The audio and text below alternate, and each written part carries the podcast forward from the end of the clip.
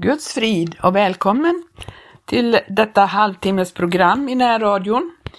Jag heter Gertrud Johansson och jag vill tala återigen om det ämne som jag har haft nu ett par närradioprogram. Jag vill tala om den dyrbara tro som vi behöver ha för att kunna vinna seger i den här världen.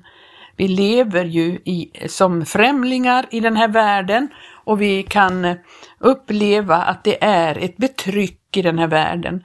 Men vi har fått en tro och det som det står i första Johannes brev, femte kapitlet och fjärde versen. Detta är den seger som har övervunnit världen, vår tro. Och det är så viktigt att vi förstår detta att, att vi behöver ha denna tro som, som är någonting som vi får när vi lyssnar till hans ord. Eh, vi kan titta i Johannes brev, eller Johannes evangelium, därför att Jesus förstår att det är en kamp för oss i den här tiden. Och i 14 kapitlets första vers i Johannes evangelium så säger Jesus så här, Era hjärtan vare icke oroliga. Tro på Gud, tro och på mig. Han förstår att deras hjärtan kan vara oroliga och rädas i det här, för man upplever betrycket i världen, man upplever främlingskapet och det kan kännas eh, verkligen skrämmande på många sätt ibland när man vandrar med Jesus. Den som vill vandra med Jesus, följa honom, kommer per automatik att, att eh, komma i konflikt med den här världen. Och då menar jag verkligen att man inte bara säger att man tror utan att man också lever ut sin tro. Man vandrar i fotspåren utav Abraham som var vår trons fader som eh, vandrade med Gud och gick en annorlunda väg. Vi ska komma in på det så, så småningom i det här programmet.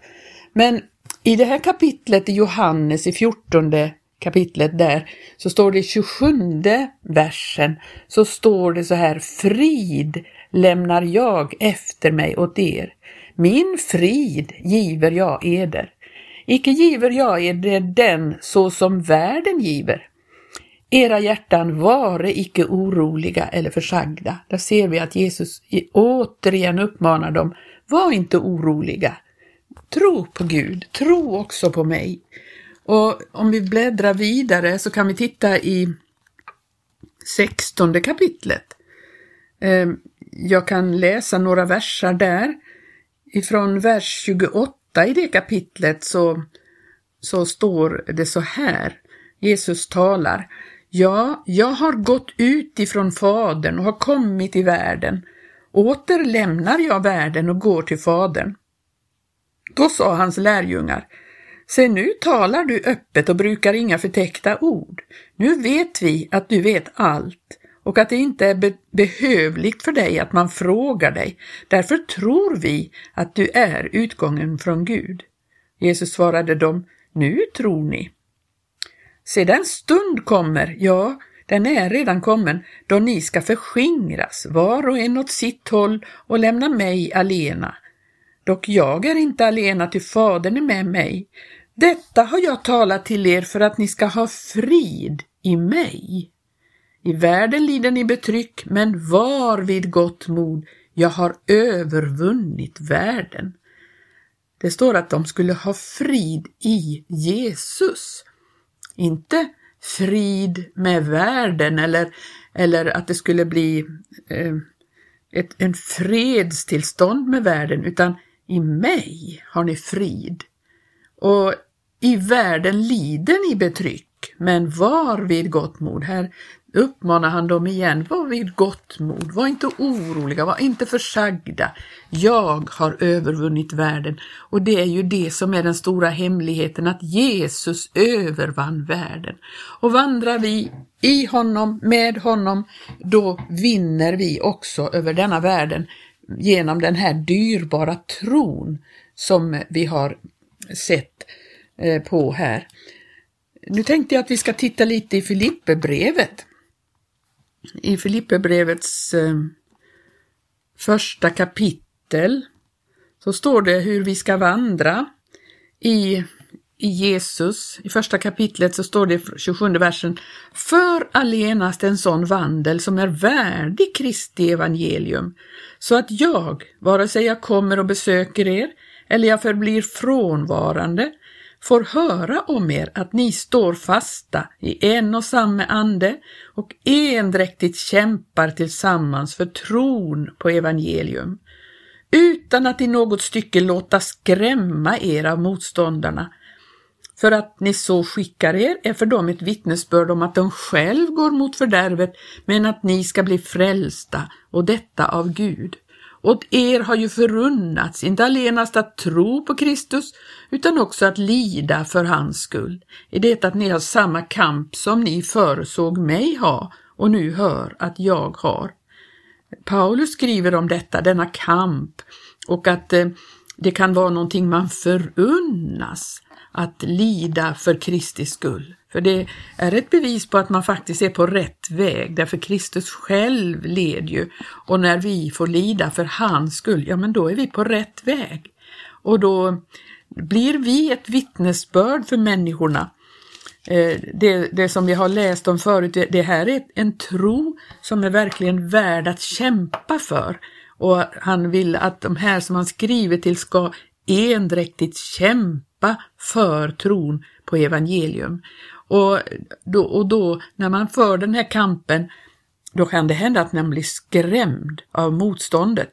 Men eh, det ska vi inte låta oss skrämmas, för vi vandrar med denne Jesus som övervann världen. Han eh, är densamme och han eh, Bor han i våra liv och hjärtan, ja men då får vi möta samma motstånd som han mötte. Det är inte konstigt alls vi kan läsa om denna kamp på många ställen i Guds ord och det är någonting vi måste fatta och förstå att det här, det här kommer att ske. Vi kommer att möta motstånd. I första Petri brev så står det att eh, vi ska inte förundra oss. I fjärde kapitel, tolfte vers. Mina älskade, förundra er inte över den luttringseld som är tänd bland er och som ni till er prövning måste genomgå och mena inte att därmed något förunderligt vederfars er, utan ju mer ni får dela Kristi lidanden, dess mer må ni glädja er, för att ni också må kunna glädjas och fröjda er Eh, vid hans härlighets uppenbarelse. Saliga är ni om ni för Kristi namns skull blir smädade, till härlighetens ande, Guds ande, vilar då över er. Tänk att få ett sådant bevis på att härlighetens ande vilar över oss.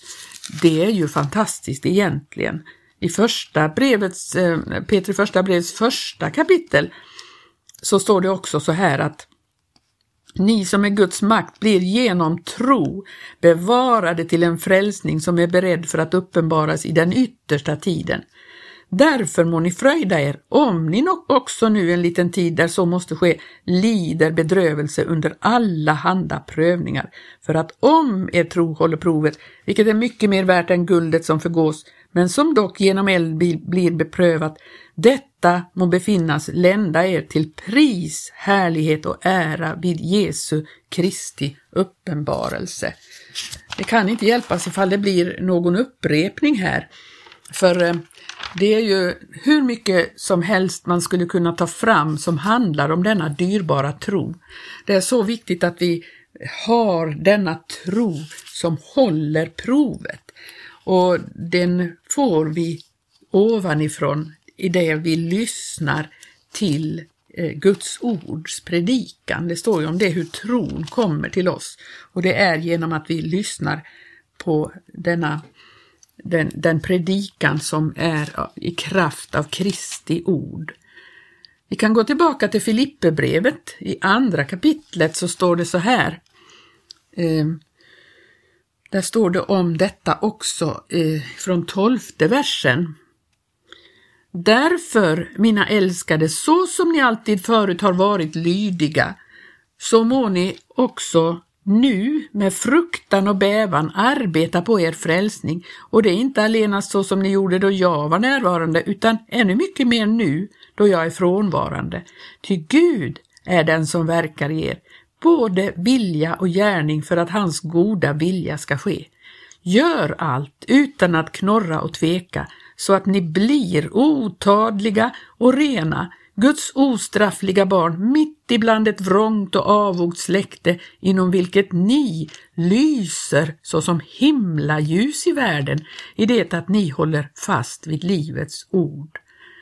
Tänk att vi kan få vara ljus i världen och det blir vi när vi gör allt utan att knorra och tveka, när vi Eh, blir otadliga och rena och Guds ostraffliga barn mitt ibland ett vrångt och avogt släkte. Hela världen är ju vrång och avog emot allt vad Gud har stadgat och gjort.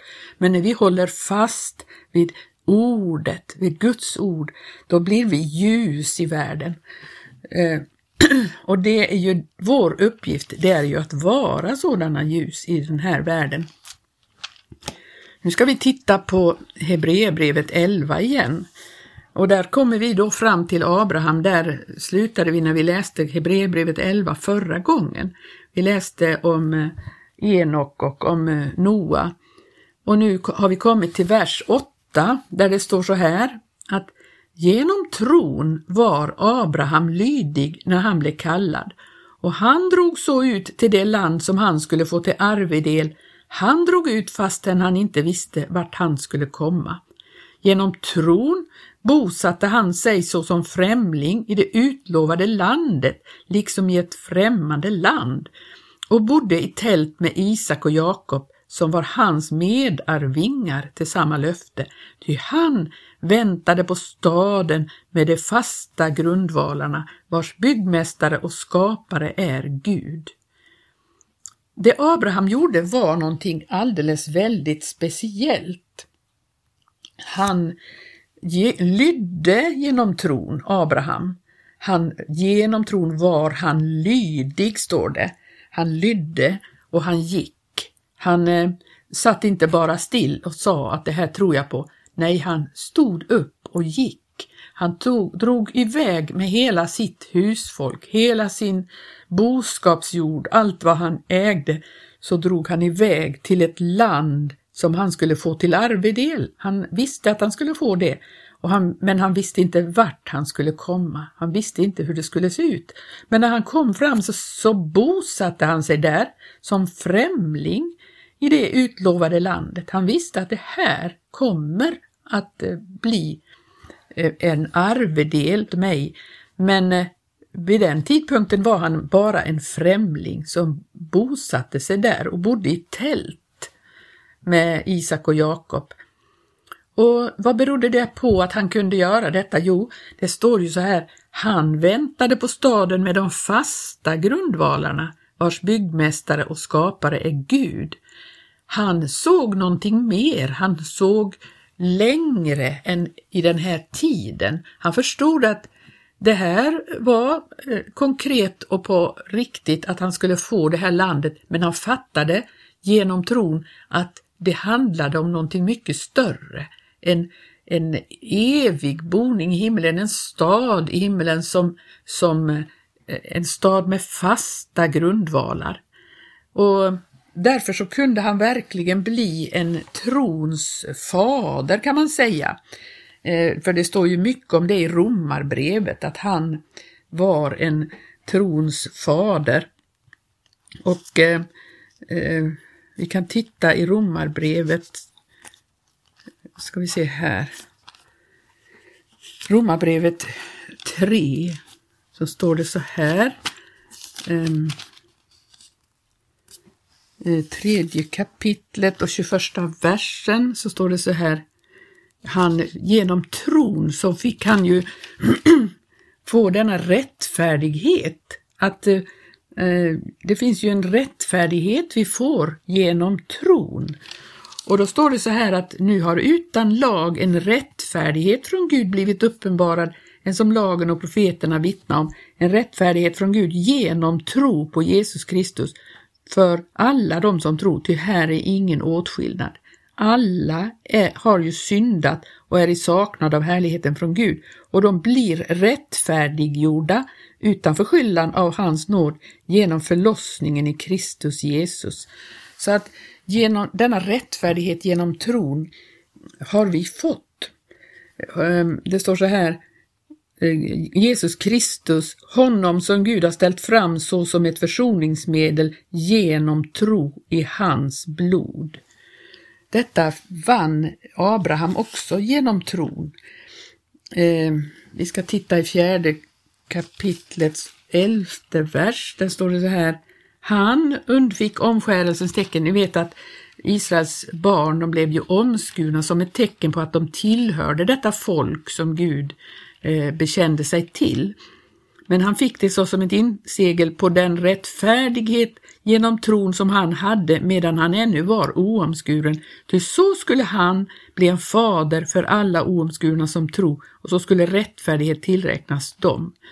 Och inte bara för de omskurna utan också för de som vandrar i spåren av den tro som vår fader Abraham hade, står det i tolfte versen, medan han ännu var oomskuren. Alltså, därför så blev Abraham, som, som vi brukat säga, trons fader. Jag tittar på 18 versen, hur det var med Abraham. Där står det att där ingen förhoppning fanns, där hoppades han ändå och trodde, och han kunde så bli en fader till många folk efter vad som var förutsagt, så ska din säd bliva. Och han försvagades inte i sin tro när han betänkte hur hans egen kropp var så som död. Han var ju omkring hundra år gammal och hur jämväl Saras moderliv var så som dött. Jag vet att det var en omöjlighet att de skulle kunna få barn, men det var löftet de hade fått, ni ska få en son. Och då står det så här, han tvivlade inte på Guds löfte i otro utan blev fast mer starkare i sin tro, ty han ärade Gud och han var fullt viss om att vad Gud hade lovat, det var han också mäktig att hålla.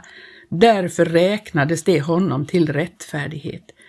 Denna tro som vi får, den, den räknar med det omöjliga. Och det är så viktigt att vi förstår det att tron går bortom det som är möjligt. Många gånger så får vi gå en väg som är omöjlig. Det kan hända att vi hamnar i en sån situation att vi förstår vad Gud vill men det är omöjligt, men då går vi ändå. Det var någonting som jag lärde mig i min ungdom. Tron säger ändå. Ja, det går inte att göra så här som, som Guds ord säger. Det går inte att leva så här. Det går inte att eh, vandra den vägen, säger vi och tycker vi. Men den som har tron säger, jag går ändå. Tron säger ändå. Det är så viktigt att vi har denna tro. Vi fortsätter i Hebreerbrevet 11. Där står det sen då i elfte versen, 11 och 11, där står det genom tron fick jämväl Sara fast en överårig kraft att bli stammoder för en avkomma, i det att hon höll den för trovärdig som hade givit löftet. Sara fick också denna prövning att tror du att detta är möjligt? Ja, hon höll den för trovärdig. Hon tittade inte på möjligheterna utan hon tittade på den som hade gett löftet. Och det gjorde hon genom tron. Och då står det då i tolfte versen att därför föddes också av en och samma man en som var så gott som död, avkomlingar på, så talrika som stjärnorna på himmelen och som sanden på havets strand som man inte kan räkna. I tron dog alla dessa innan de ännu hade fått vad utlovat var. De hade allenast sett det i fjärran och hade hälsat det och bekänt sig vara gäster och främlingar på jorden. Det var deras avkomma, Abrahams och Saras avkomma. De eh, var på samma sätt några som såg längre, såg bortom. Det står så här i fjortonde versen, de som så talar ger ju därmed till känna att de söker efter ett fädernesland och om de hade menat det land som de hade gått ut ifrån så hade de ju haft tillfälle att vända tillbaka dit. Men nu stod deras håg till ett bättre, nämligen det himmelska. Därför blygs inte Gud för att kallas deras Gud, ty han har berett åt dem en stad. Deras håg stod till ett bättre. Hur är det med vår håg? Står det till det som är där ovan, det himmelska, ett bättre land? Eh, det är så viktigt att denna tro får ta sig det uttrycket att vi ser bortom, vi ser längre och därför satsar vi på det som vi inte ser, som vi pratade om förut. Den som tror vandrar inte i åskådning, man, man tror på någonting som man ännu inte ser. Och det var så med de här. I sjuttonde versen står det att genom tron var det som Abraham frambar Isak så som offer när han blev satt på prov. Ja, sin enda son frambar han såsom offer, han som hade mottagit löftena. Du förstår, han hade ju fått löfte om Isak. Han, sa, han hade sagt till honom så här, genom Isak är det som säd skall uppkallas efter dig. Ändå så frambar han Isak som ett offer när Gud sa åt honom att göra det. För då står det så här, till han tänkte på att Gud var mäktig att till och med uppväcka honom från de döda och från de döda fick han honom och tillbaka liknelsevis talat. Tänk att han faktiskt trodde och så att han var beredd att till och med offras Isak som verkligen som ett offer. För han visste att Gud kommer att hålla sitt löfte. Genom Isak är det som säd ska uppkallas efter dig. Ja, det är oerhörda eh, handlingar dessa människor gjorde genom tron. Och i 20 och 21 versen där så står det genom tron gav jämväl Isak sin välsignelse åt Jakob och Esau för kommande tider. Och genom tron välsignade den döende Jakob Josefs båda söner och tillbad lutad mot ändan av sin stad. De två fick ge välsignelse genom tron. Och så kommer 22 versen som är så märklig. Genom tron talade Josef när han låg för döden om Israels barns uttåg och gav befallning om vad som skulle göras med hans ben. En enda liten vers i Hebreerbrevet. Josef som det står så väldigt mycket om i Moseböckerna, men han talade om sina ben och hur kunde det vara så märkvärdigt? Jo, han visste genom tron att de skulle inte stanna i Egypten, de skulle ut därifrån. Och det, det, läser vi om att han tog ett löfte innan han dog att ni ska föra ut mina ben härifrån när ni kommer, går ut. Och sen fanns de där benen där i Egypten ända till sista verserna i Josua, ni kan kontrollera det, då, då står det att då bar de ut Josefs ben därifrån.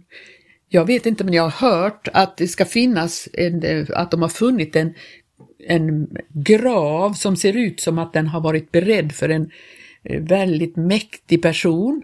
Och när de tittar i den graven så är där inga ben, där ligger inga eh, rester av någon människa.